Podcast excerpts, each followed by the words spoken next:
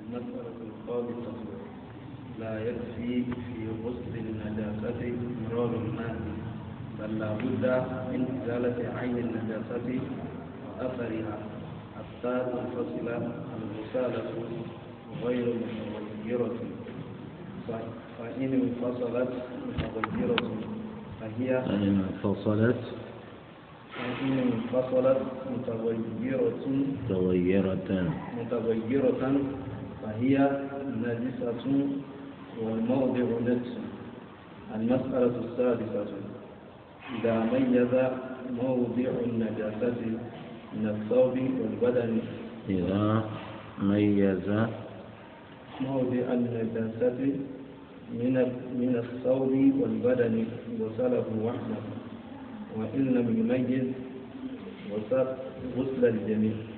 غسل الجميع. غسل الجميع.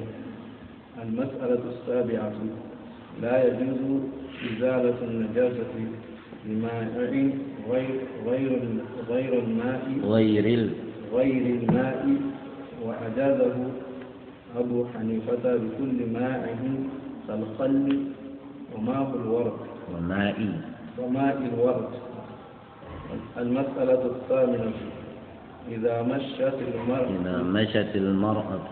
إذا مشت المرأة بذيلها بذيلها الطويل على نجاسة يابسة يصهره ما بعده. و... و... فاختلف في الرطبة ومثلها الرطبة. ورطبة في الرطبة. في الرطبة ومثلها. مثلها من مشت برجل مبلولة على نجاسة ثم على موضع طاهر جاف ويعفى عن إين المطر ما لم تكن النجاسة غالبة أو عينها قارنة المسألة التاسعة. إذا وقعت دابة نجسة في بئر وغيرت الماء وغيرت الماء. وغيرت الماء وجب نزح جميعها نزح جميعه. مضاف مضاف إليه. وجب نزح جميعه. فإن لم تغير. فإن لم تغيره. فإن لم تغيره استحب. استحب. استحب أن ينزع أن ينزح منه. أن ينزح منه. ين أن ينزح منه بقدر بقدر الدابة والماء. المسألة العاشرة. إذا وقعت نجاسة نجاسة. إذا وقعت نجاسة في ماء في ماء في ماء في مائع. في ماء غير الماء. غير. غير الماء تنجس. سواء تغير تغير. تغير أم لم يتغير. سواء تغير أو لم يتغير فإن وقعت فأرة في سمن ذائب فماتت فيه طرح جميعها. جميعه. جميعه. وإن كانت جامدة طرحت هي وما حولها. خاصة قال صحنون إلا أن يكون إلا أن يكون. قال صحنون ليس صحنون. قال صحنون. قال صح. صحنون إلا أن يطول مقامها فيه إلا؟ إلا أن يطول مقامها فيه بس.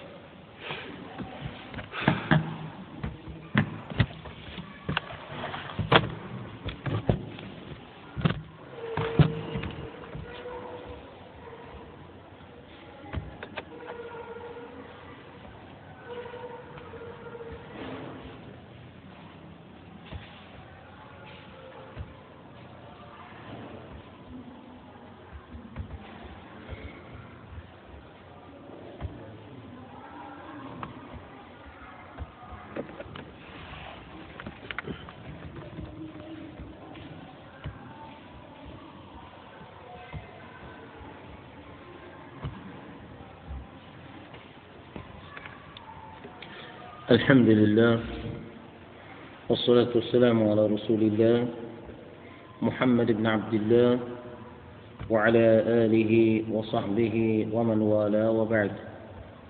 السلام عليكم ورحمة الله وبركاته.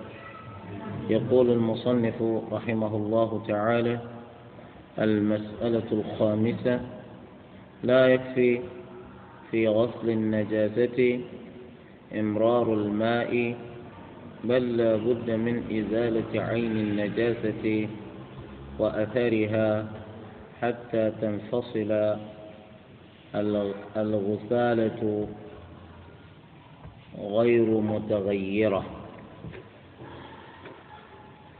هو لا زال يبين لنا في هذه المسائل ما يتعلق بأحكام النجاسات. وهذه المسألة هي المسألة الخامسة في هذا الباب. يقول لا يكفي في غسل النجاسة إمرار الماء. إذا وقعت النجاسة على البدن أو الثوب أو المكان لا يكفي في إزالة تلك النجاسة عن الموضع الذي وقعت فيه إمرار الماء على ذلك الموضع فقط لتنظيفه من تلك النجاسة. بل لا بد وأن يقصد من أراد أن يزيل النجاسة عن ذلك الموضع يجب عليه أن يقصد إزالة عين النجاسة. إزالة إزالة عين النجاسة. لأن النجاسة هذه طارئة. وطروؤها هو الذي من أجله صار المكان نجسا. فلا بد إذن لتطهير ذلك الموضع من العمل على إزالة عين تلك النجاسة. لنفرض مثلا أن تلك النجاسة آه، بول أو غائط. لا بد إذا أردت أن تطهر ذلك الموضع من هذه النجاسة أن تزيل الغائط. الغائط الموجود في المكان تزيله تزيله كله حتى لا يبقى له وجود. والبول كذلك. قصدك هو أنك تريد أن تزيله تزيله كله عن الموضع. لأنك إذا اكتفيت بإمرار الماء على المكان الذي توجد فيه النجاسة فإن الماء هذا آه، آه، سيعمل على إبقاء النجاسة. يعني إمرار الماء فقط سيعمل على إبقاء النجاسة. لابد وأن تعمل على إزالة عين تلك النجاسة عن ذلك الموضع كما جاء في حديث أسماء بنت أبي بكر رضي الله عنها أو رضي الله عنهما سألت النبي صلى الله عليه وآله وسلم عن كيفية إزالة دم الحيض عن الثوب. فقال لها النبي صلى الله عليه وسلم حتيه حتيه وقرصيه واغسليه بالماء. الحد هو أن يعمل الإنسان على إزالة تلك النجاسة عن الثوب. بأي وسيلة؟ ثم بعد ذلك تعمل على غسل ذلك الموضع بالعراك الشديد بالعراك القوي. تغسل ذلك الموضع بالعراك القوي وتعمل ذلك بالماء حتى تزيل عين تلك النجاسة عن ذلك الموضع. فإذا بقي من اللون شيء وقد غسلت النجاسة وأزلت النجاسة عينها عن الموضع لا يضرك اللون.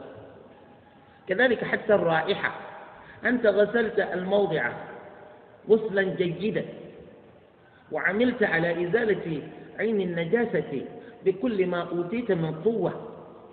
لا يضرك ما يبقى من رائحة. ما دمت قد أزلت عين النجاسة.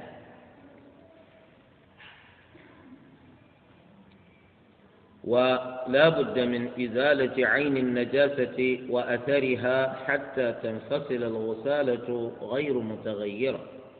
الغسالة هو الماء الذي به غسل النجاسة. الماء الذي به غسل النجاسة. فهذا الماء إذا أنت غسلت النجاسة وبعد غسل النجاسة جئت لتنظف الموضع بماء لنفرض أن المكان الذي فيه النجاسة ثوب غسلت النجاسة غسلت عين النجاسة ثم أتيت بالثوب فأدخلته في الإناء وصببت عليه ماء ثم غسلته وغسلته في الأخير لما استخرجت الثوب من الإناء وجدت الماء الذي به غسلت النجاسة لم يتغير. لم يتغير بمعنى قد تطهر صار الماء طاهرا. الماء هذا طاهر بعد غسل النجاسة. الغسالة بقية الماء الذي به غسلت النجاسة خرج طاهرا. بهذا نستدل على أن النجاسة قد ذهبت. لكن إذا بقيت الغسالة متغيرة متغيرة لا زالت العذرة أكرمك الله باقية في ذلك الماء بعينها ورائحتها. فنقول المكان لم يت... لم... لم... لم... لم تطهر المكان كما ينبغي بعد. تغسله أيضا. إذا بهذا الماء نعلم أو قد طهرت المكان كما ينبغي أو لم تطهره بعد. الغسالة هي التي نعرف بها مدى تطهر المكان من عدمه.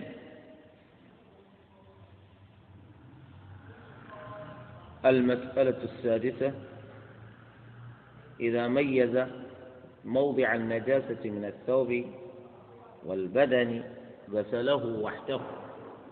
هذا الإنسان هو رأى نجاسة في ثوبه وهذه النجاسة وجدها في كم قميصه هذا الكم وجد النجاسة في كم قميصه.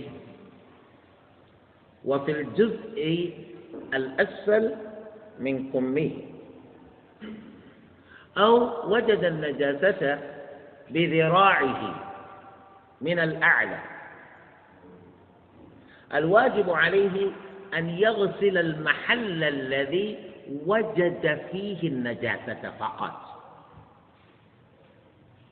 ما دامت النجاسة في كم قميصك من الجهة السفلية أنت تكتفي بغسل هذا الموضع فقط. وإذا كانت النجاسة في ذراعك من الجهة العليا ماذا عليك؟ عليك أن تغسل ذلك الموضع. إذا هذا الواجب علينا إذا رأينا النجاسة وميزناها فإننا نغسلها في مكانها الذي وجدناها فيه. لنفرض أن ذلك المكان مسجد. أنت رأيت بولا في المسجد.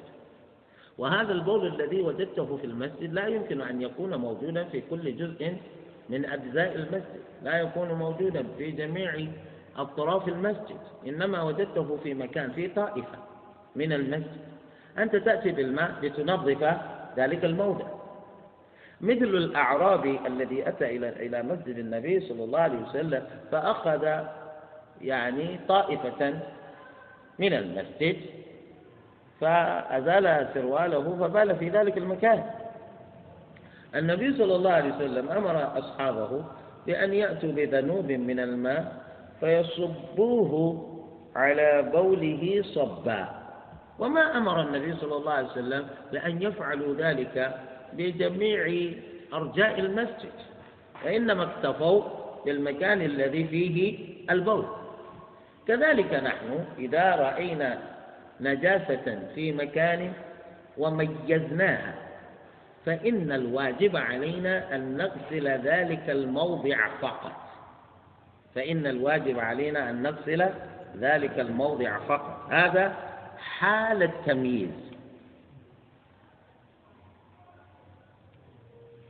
فإن لم يميز نحن على يقين بأن نجاسة وقعت على ثوب أو أن نجاسة وقعت على جسدنا. ولكن في أي جزء من الثوب وفي أي جزء من البدن لا نعرف. ولكننا على يقين بوجود نجاسة في هذا الثوب وفي هذا البدن. فيكون الواجب في ذلك الوقت أنه يجب عليك أن تغسل بدنك كله وأن تغسل ثوبك كله. لأن اليقين لا يتحقق إلا بذلك. لأن اليقين لا يتحقق إلا بذلك. أنت في الطريق إذا برجل يرمي ببول يرمي ببول من الأعلى. وتيقنت أن البول هذا وقع عليك بدنا وثوبا. إذا ولكنك لا تستطيع أن تميز لا تستطيع أن تقول أصاب رأسي دون رقبتي.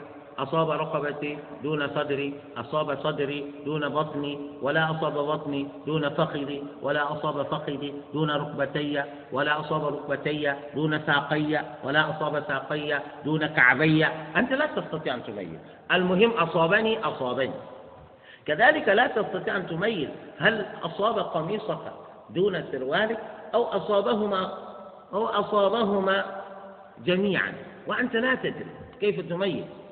فنقول الواجب عليك في ذلك الوقت أن تغسل بدنك كله وأن تغسل ثوبك كله لأن اليقين لا يتحقق إلا بغسل بدنك كله وبغسل ثوبك كله. هذا هو. فبهذا تستطيع أن تعبد الله بطهارة متيقنة. وإلا ستعبد الله عز وجل بطهارة مشكوك فيها. وإنما أمرك الله عز وجل أن تعبده بطهارة متيقنة لا بطهارة مشكوك فيها.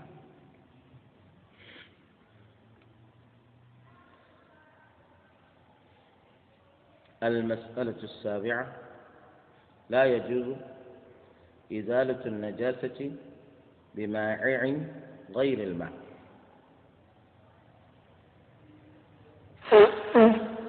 هذا كلام جمهور الفقهاء أنهم يرون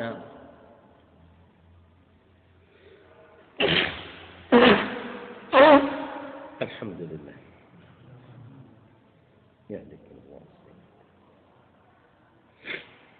جمهور الفقهاء يرون أن الطهارة لا تتم إلا بالماء والماء الذي تتم به الطهارة يجب أن يكون ماء طهورا.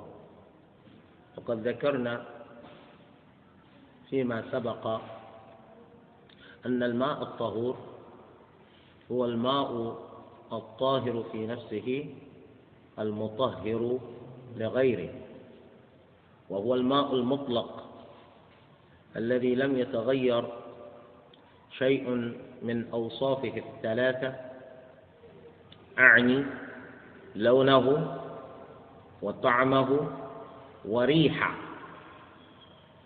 هذا هو الماء الذي نتطهر به.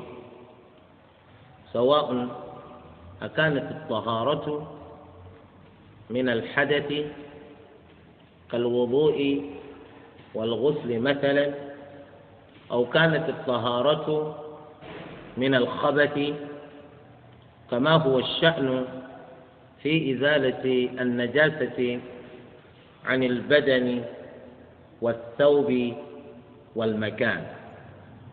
فالماء هو الذي تتم به الطهارة. الماء هو الذي تتم به الطهارة. ويشترط في هذا الماء أن يكون ماء طهورا. الذي لم يتغير لونه أو طعمه أو ريحه. لقول الله عز وجل وأنزلنا من السماء ماء طهورا. وأنزلنا من السماء ماء طهورا. فالماء الطهور هو الذي تتم به الطهارة. هذا قول العلماء وهذا دليله.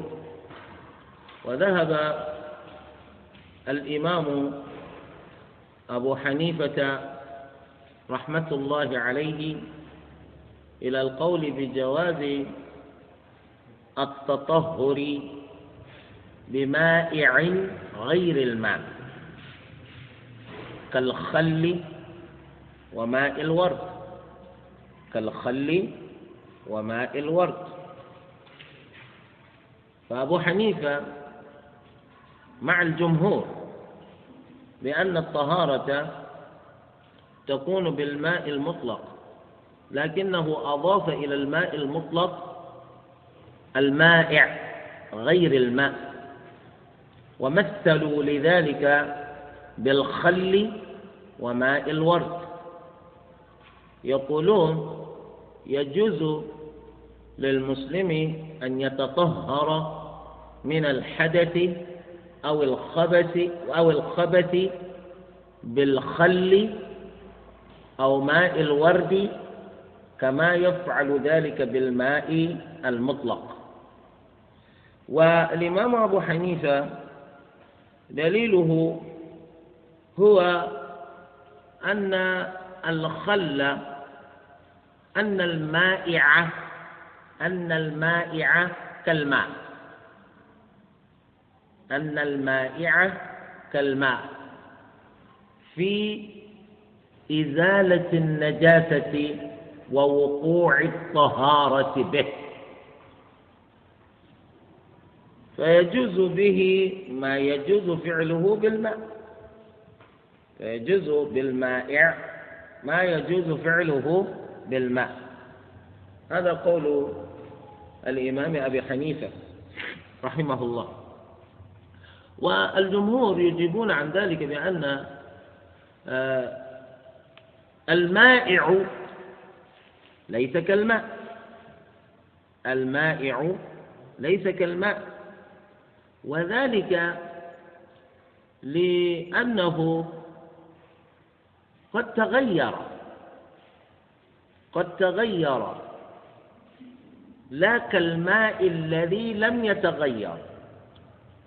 كيف وقد قال ربنا وأنزلنا من السماء ماء طهورا. فما لم يكن الماء ماء طهورا لم يجز التطهر به بخلاف الخل وماء الورد لعدم صدق القول بأنهما طهوران. لا يصدق عليهما القول بأنهما طهوران. إذا إذا رأينا أحدا يتوضأ بغير الماء كمن توضأ بماء الشاي ماذا نقول في وضوئه؟ نقول إنك تلعب لما لما لما تتوضأ الوضوء الذي أمرك الله به. كذلك لو رأينا أحدا يتوضأ بماء وقع فيه لبن نقول لما تتوضأ بعد لأنك تتوضأ وضوءا ما أمرك الله به. لا بد وأن يكون المتوضئ إنما يستعمل في وضوئه ماء مطلقا وهو الماء الطهور. ويرى الحنفية أن المائع الذي يصلح أن يتوضأ به لا يجوز أن يكون مطبوخا فيه غيره. لا يكون مطبوخا فيه غيره. يعني كمرقة. المرقة التي تأكل بها الخبز لا تأتي تتوضأ حتى عند أبي حنيفة بمرق فهمتم؟ يعني أنت تأتي بمرق الطماطم والفلافل مخلوط بالماء وزيت. تأتي تتوضأ بهذا؟ أبو حنيفة أيضا يقول لا يجوز فهمتم؟ على أن يكون ذلك المائع غير مطبوخ فيه غيره إذا طبخ فيه غيره لم يجز التوضؤ أو التطهر به طبخ أم لم يطبخ إذا تغير لون الماء أو طعمه أو ريحه هل يجوز الوضوء به؟ لا يجوز. هذا هو الصحيح. المسألة الثامنة إذا مشت المرأة بذيلها الطويل على نجاسة يابسة يطهره ما بعده. المرأة معروفة. المرأة معروفة. وهي شقيقة الرجل شقيقة الرجل. يقول المصنف إذا مشت المرأة أي إذا مشت برجلها بذيلها ومرت بذيلها الطويل على نجاسة يابسة أنتم تعرفون الذيل. الذيل مثلا النعجة لها ذيل الشاه لها ذيل البقرة لها ذيل هذا الذي تجدونه في ظهر الدابة الطويلة هذا يقال له ذيل. كذلك القرد له ذيل. ثم يقول المرأة إذا مشت بذيلها الطويل. أي ذيل للمرأة أي ذيل للمرأة المقصود بذيل المرأة طول حجابها حجابها الطويل جلبابها الطويل. فهمتم؟ لأن النبي صلى الله عليه وسلم أمر النساء أن يطولن جلبابهن أن يطولن جلبابهن المرأة لا تلبس لا تلبس جلبابا قصيرا. لا بد من أن يكون جلبابها طويلا.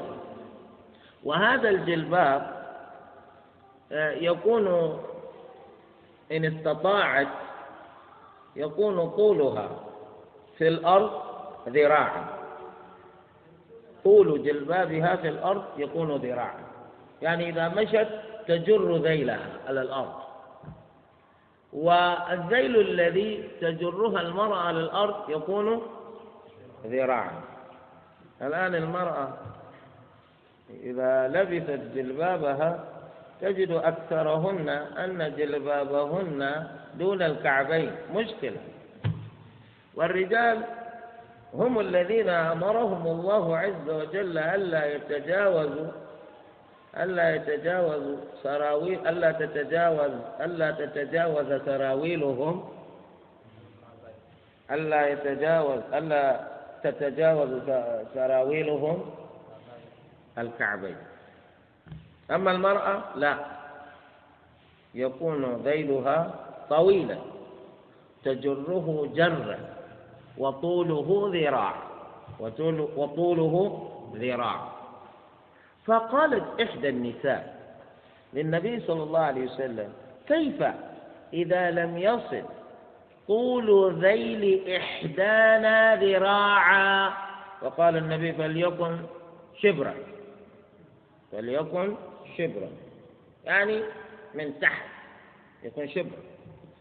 فإذا إذا المرأة أن أن تلاحظ هذا في جلبابها.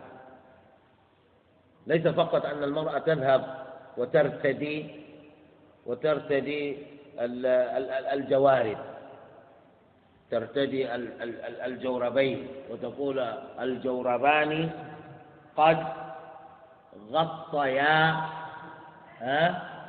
قد غطيا رجلي فما بقي شيء بقي أشياء بقيت أشياء. النبي صلى الله عليه وسلم يقول الثوب هذا يكون طويلا من حيث يغطي رجليها وزيادة. يغطي رجليها وزيادة. وهذه الزيادة على الأرض ذراع أو شبر فإذا مشت المرأة بذيلها الطويل على نجاسة يابسة أيوة هي في طريقها مشت على نجاسة يابسة. غائط. غائط يابس. بول يابس. على هذا المكان بول قد جف. على هذا المكان غائط يابس قد جف. فهي مشت بذيلها على هذه النجاسة. يطهره ما بعده. مشت بهذا المكان النجس بذيلها ثم مشت بالمكان الآخر وهو طاهر لا نجاسة فيه. المكان الطاهر الذي مشت عليه المرأة بعد مرورها على المكان النجس يكون طهارة لما يمكن أن يكون قد أصاب ثوبها من نجاسة. الطاهر يطهر النجس.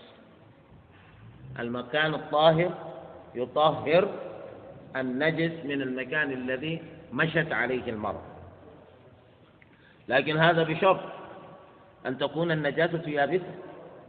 أما إذا كانت النجاسة هذه رطبة يعني لا زالت النجاسة هذه في حالة وجود الماء فيها. الغائب هذا جديد والبول جديد. ومشت المرأة على هذه النجاسة. ماذا تفعل؟ واختلف في الرطبة. الصواب اختلفوا في ما إذا كانت النجاسة رطبة. الصواب في هذا أنها تغسل المكان بالماء.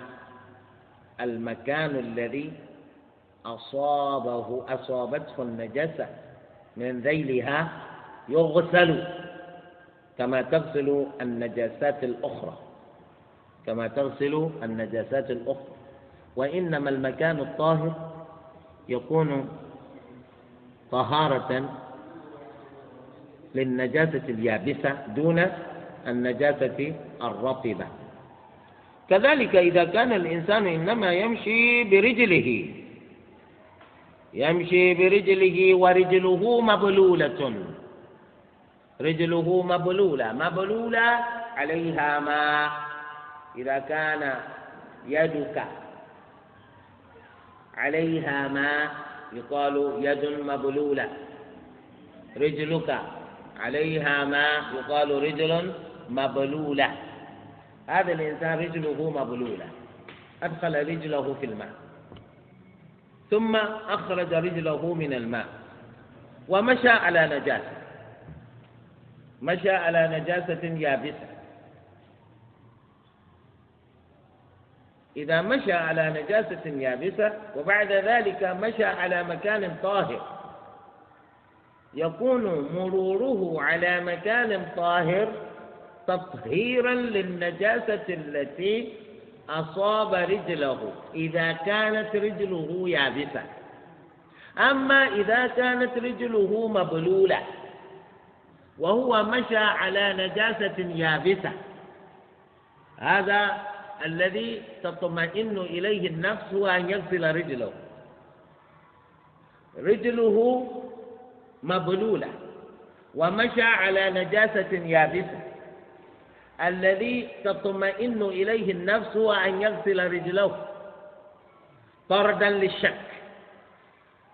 أما إذا كانت رجله يابسة والنجاسة يابسة. ومشى برجله حافيا على النجاسة أي لا وجود لنعل برجله. ومشى على نجاسة يابسة. ورجله جافة. ثم مشى على مكان طاهر. يكون هذا المكان الطاهر تطهيرا لما يمكن أن يكون قد أصاب رجله من النجاسة اليابسة. كيف إذا كانت رجله مبلولة والنجاسة رطبة؟ يغسل أو لا يغسل؟ يغسل من باب الأولى. حتى لا تبقى للنجاسة وجود ولا بقاء برجله.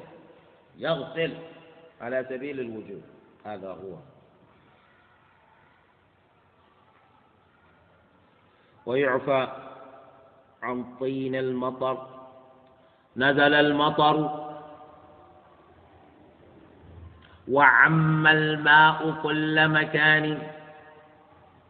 وصارت الشوارع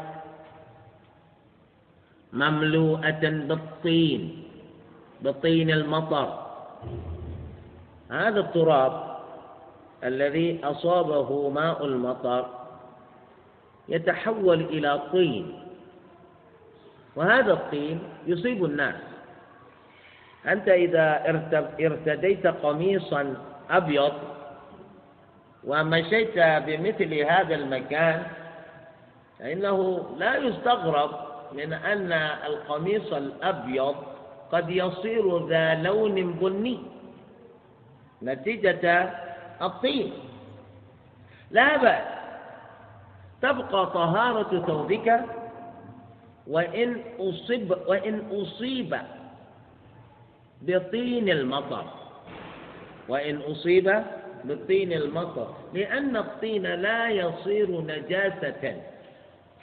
الطين لا يصير نجاسة. لمجرد لمجرد كونه طينا.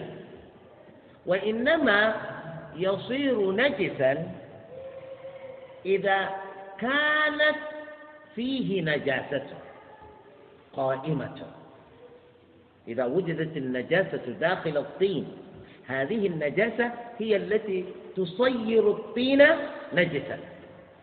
أما إذا بقي الطين طينا فبقاؤه طينا ليس يجعله نجاسة ليس يجعله نجاسة. متى يقال إن الطين هذا نجس؟ إذا وجدنا فيه نجاسة قائمة. ولذلك قال المصنف ما لم تكن النجاسة غالبة أو عينها قائمة. اللهم إلا إذا كانت النجاسة هي التي تغلب على ماء الطين. الناس الذين لا حياء عندهم وجدوا أن المطر قد نزل وأن الطين آه، امتلأ به كل مكان. إذا بهم يبولون يبولون في الطين. فالإنسان يحترز من مثل هذا هذا الطين وتبتعد منه لأنه إذا أصابك فقد أصابك بول فقد أصابتك نجاسة.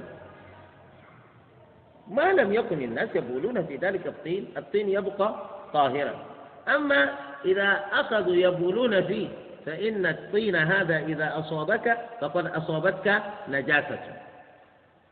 وأنتم تعلمون في البلدان المتأخرة أن الناس يعني لا يتورعون من أن يبولوا في أي مكان. يقضوا حوائجهم في كل مكان يتغوط في كل مكان. لا يبالي بل إن كثيرا منهم لا يواري من الناس إنما يخلع ثيابه سرواله ليبول في, في أي مكان وليتغوط في, في أي مكان. يعني لا يستتر. نظر إليه من ينظر المهم يقول أنا أبول المهم أنا أقضي حاجتي. آه، فإذا وجد مثل هذا الطين في المكان الذي أنت تمر به فعليك أن تحذر. حذاري ثم حذاري لأن آه، الطين هذا لا يكون طينا مجردا إنما يكون طينا ممزوجا بالبول ممزوجا بالنجاسة فهمتم؟ أها. أو يكون إذا كانت النجاسة غالبة على الطين فالطين يصير نجسا أو يكون عينها قائمة نرى داخل الطين غائطا. غائط وغائط وغائط وغائط. آه. إحذر. حذاري من أن تصب. لأنك إذا أصبت بهذا بهذا الطين فتيقن أن الذي أصابك الآن نجاسة كذلك إذا رأينا البول طافيا فوق سطح الطين هذا بول. وهذا عينه قائمة. إذا كان عين النجاسة قائمة فاحذر ماء ذلك الطين. هذا هو. المسألة التاسعة. إذا وقعت دابة نجسة في بئر. فمثاله الدابة النجسة. اذكر مثالا لدابة نجسة كالخنزير. غير الخنزير. الكلب هذا على قول الجمهور. المالكية يرون أن الكلب طاهر. مثال آخر. لدابة نجسة كالفأرة. كالفأرة. أها. رأينا دابة نجسة كالأمثلة التي ذكرتموها في بئر. وجدنا تلك الدابة النجسة داخل البئر. وغيرت الماء. تلك الدابة النجسة غيرت الماء. حتى إذا كانت الدابة طاهرة ولكنها ماتت في الماء فبموتها في الماء تصير نجسة لأنها تصير بذلك ميتة. غيرت الماء غيرت لون الماء طعم الماء ريح الماء وهذا يقع كثيرا في مياه في مياه الآبار. وهذا لا يخفى علينا. غيرت الماء وجب نزح جميعه أي وجب استخراج جميع الماء الموجود في البئر. ننزح ماء البئر كله. ننزح ماء البئر كله. فإذا لم تغيره الدابة هذه ماتت في البئر والدابة لم تغير ماء البئر. لا طعمه ولا لونه ولا لونه ولا ريحه تغير لا تغير شيء. واستحب أن ينزح منه بقدر الدابة والماء. أي يستحب؟ أن نستخرج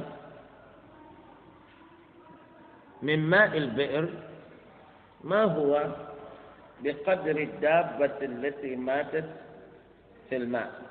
يعني ننزح قدرا كبيرا من الماء يوازي حجم تلك الدابة. يوازي حجم تلك الدابة.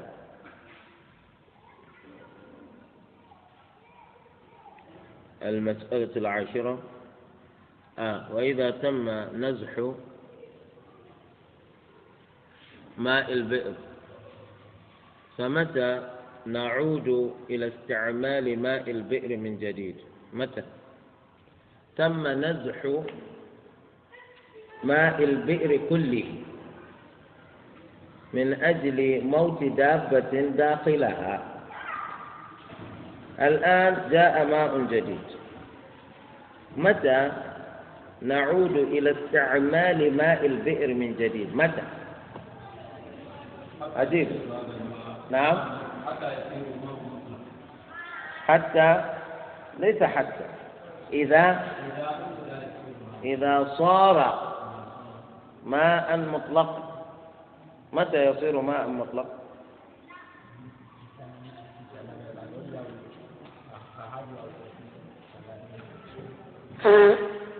إذا لم يتغير أحد أوصافه الثلاثة نستدل بذلك على أن الماء الآن ماء مطلق.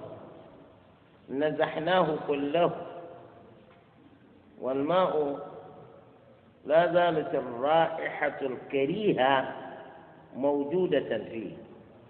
ماذا نفعل؟ نزحنا الماء كله. فنبع ماء جديد. وهذا الماء الجديد لا نزال نرى فيه أثر رائحة الدابة التي ماتت في البئر. ماذا نفعل؟ ننزح ماء البئر من جديد.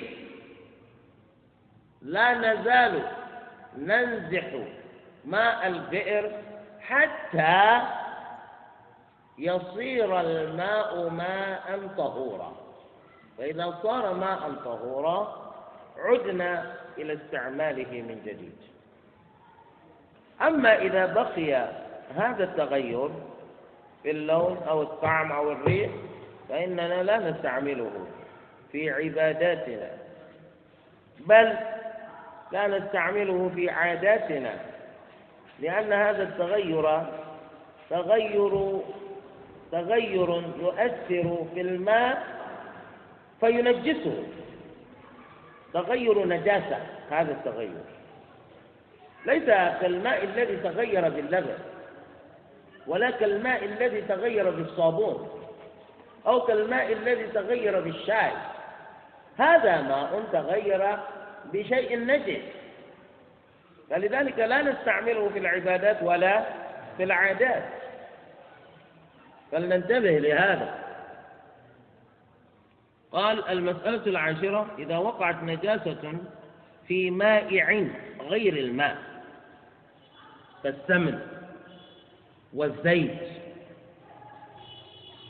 النجاسة وقعت في مائع غير الماء كالزيت والسمن والزبدة والجبن. هذه الأشياء إذا إذا إذا كانت مائعة أي بشكل ماء ولكنها غير ماء كالزيت مثلا وقعت فيه نجاسة. ماذا نفعل؟ قال تنجس. الزيت إذا وقعت فيه نجاسة تنجس. سواء تغير أو لم يتغير. إذا وقعت نجاسة في, في الزيت مثلا فإنه يتنجس. وقعت في السمن يتنجس. وقعت في خل تنجس. وقعت في مرقة تنجس فهمتم؟ إذا وقعت نجاسة في مائع شيء على شكل ماء ولكنه غير الماء فإن هذا الشيء يتنجس لوقوع النجاسة عليه سواء أتغير أم لم يتغير. وإن وقعت فأرة في سمن ذائب. فأرة وقعت في سمن وهذا السمن ذائب. ذائب أي مائع مائع ليس جامدا ولكنه بشكل ماء. فماتت فيه طرح جميعه. أي نرميه جميعا. يعني إذا وقعت فأرة في زيت. وهذا وهذا الزيت مائع. فإن الزيت كله يطرح يرمى. وإن كان جامدا هذا الزيت قد تجمد. الزيت هذا قد تجمد. يعني قد تحجر. ليس على شكل ماء لكنه قد تحجر. طرحت هي وما حولها. نطرح الفأرة نستخرج الفأرة وما حولها. دون بقية الثمن الجامد دون بقية الزيت الجامد. إنما نطرح الفأرة فقط قال سحنون إلا أن يطول مقامها فيه مقامها فيه أي إذا كان السمن جامدا الزيت جامدا إلا أن الفأرة التي ماتت فيه قد طال مكثه فيه قد طال بقاؤه فيه. بقيت الفأرة ميتة في السمن الجامد شهرا. شهرا نقول يكون الفساد هذا قد تسرب قد تسرب إلى أجزاء السمن كله. وإن كان جامدا. هذا قول لسحنون إلا أن مطلق قول المالكية أن السمن إذا كان جامدا فإن الفأرة هي التي تطرح وما حولها فقط. قال مقامها فيه أو قصر. قال مقامها فيه أو قصر.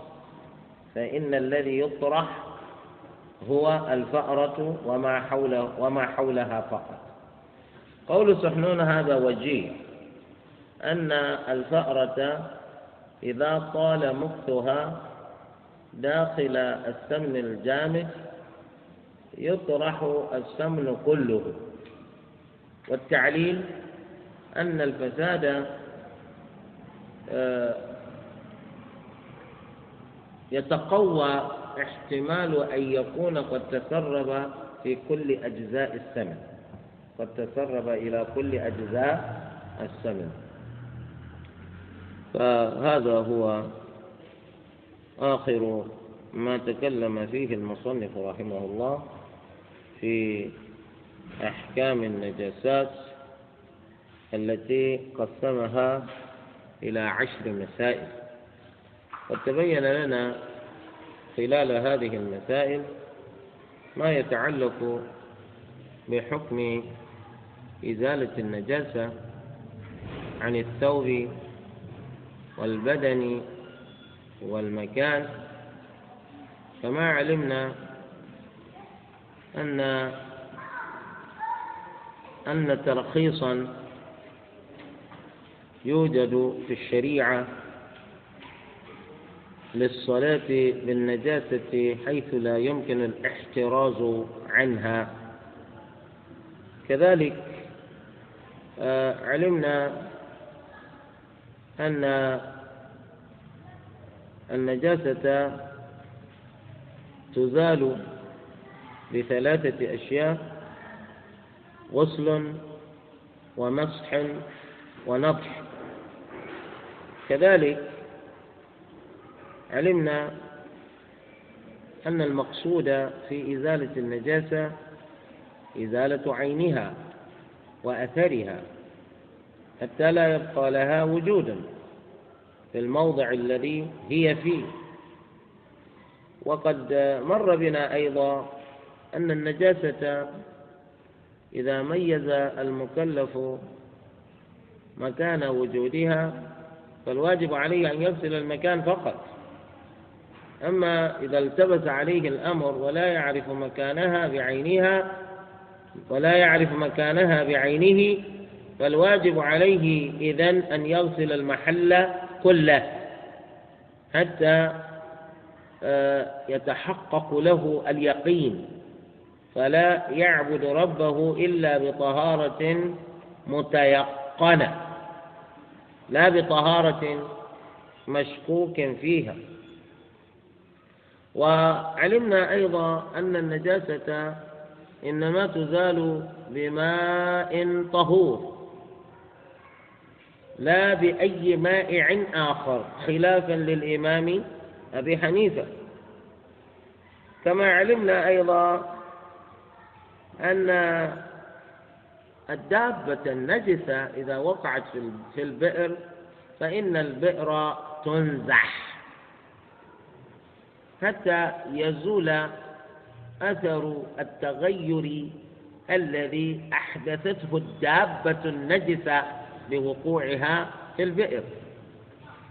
فإذا عادت طهارة الماء إلى الماء في البئر فإننا نعود إلى استعماله. فإننا نعود إلى استعماله.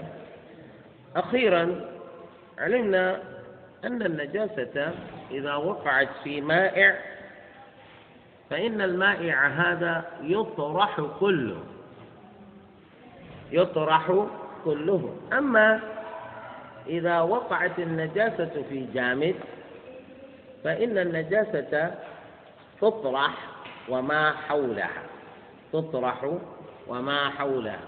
وذكر سحنون قولا له أنه يطرح وما حوله تطرح وما حولها إلا إذا طال مقامها في ذلك المائع إذا طال مقامها في ذلك المائع فإنه لا يكفي طرحها وما حولها وإنما يطرح كله وإنما يطرح كله. إلى هنا نكتفي. نسأل الله عز وجل أن يفقهنا في الدين وأن يعلمنا التأويل وأن يبارك لنا فيما علمنا وأن يزيدنا علما. سبحانك اللهم وبحمدك أشهد أن لا إله إلا أنت أستغفرك وأتوب إليك.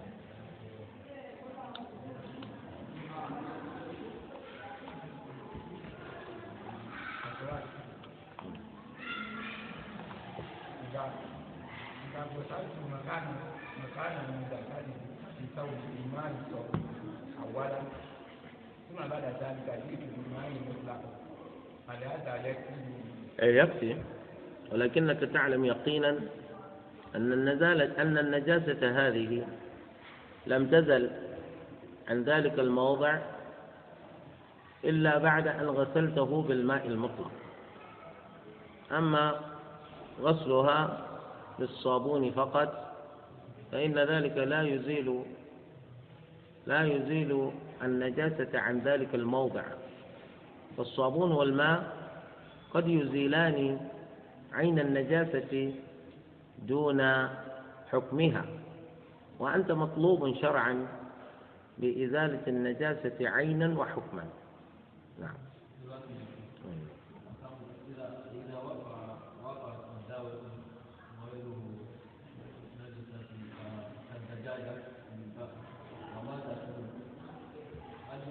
وماتت في البئر. هنا. إذا ماتت دجاجة في الماء وعلى قولك هي حيوان طاهر وماذا تقول عن الدجاجة بعد موتها؟ تصفها بأنها طاهرة؟ لا تكون طاهرة. لأنها إذا ماتت صارت صارت نجسة وهي بوجودها في الماء بعد موتها يقال توجد نجاسة داخل البئر. وهذه النجاسة قد تغير لون الماء أو طعمه أو ريحه. فننظر في ماء البئر. أهو طاهر أو نجس؟ أهو متغير في لونه أو طعمه أو ريحه. لم يتغير لم يتغير شيء من ذلك.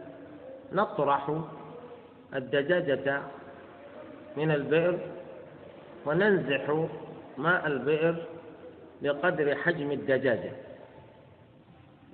من أجل أن تطمئن قلوبنا إلى أن الماء هذا طاهر مطهر نعم.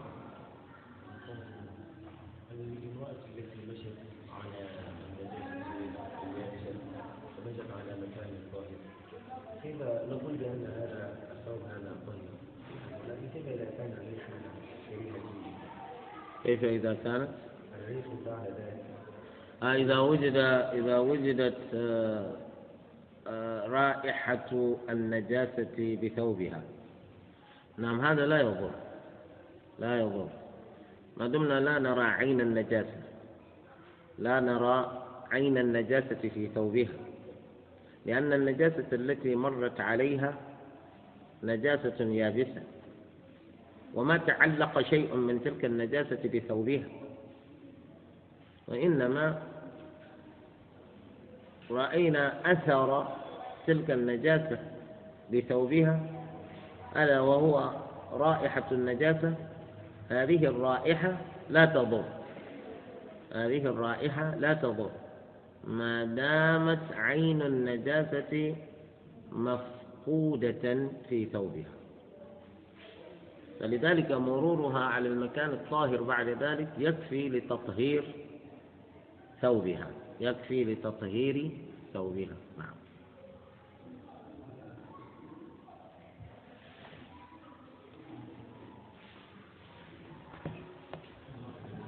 نعم جزاكم الله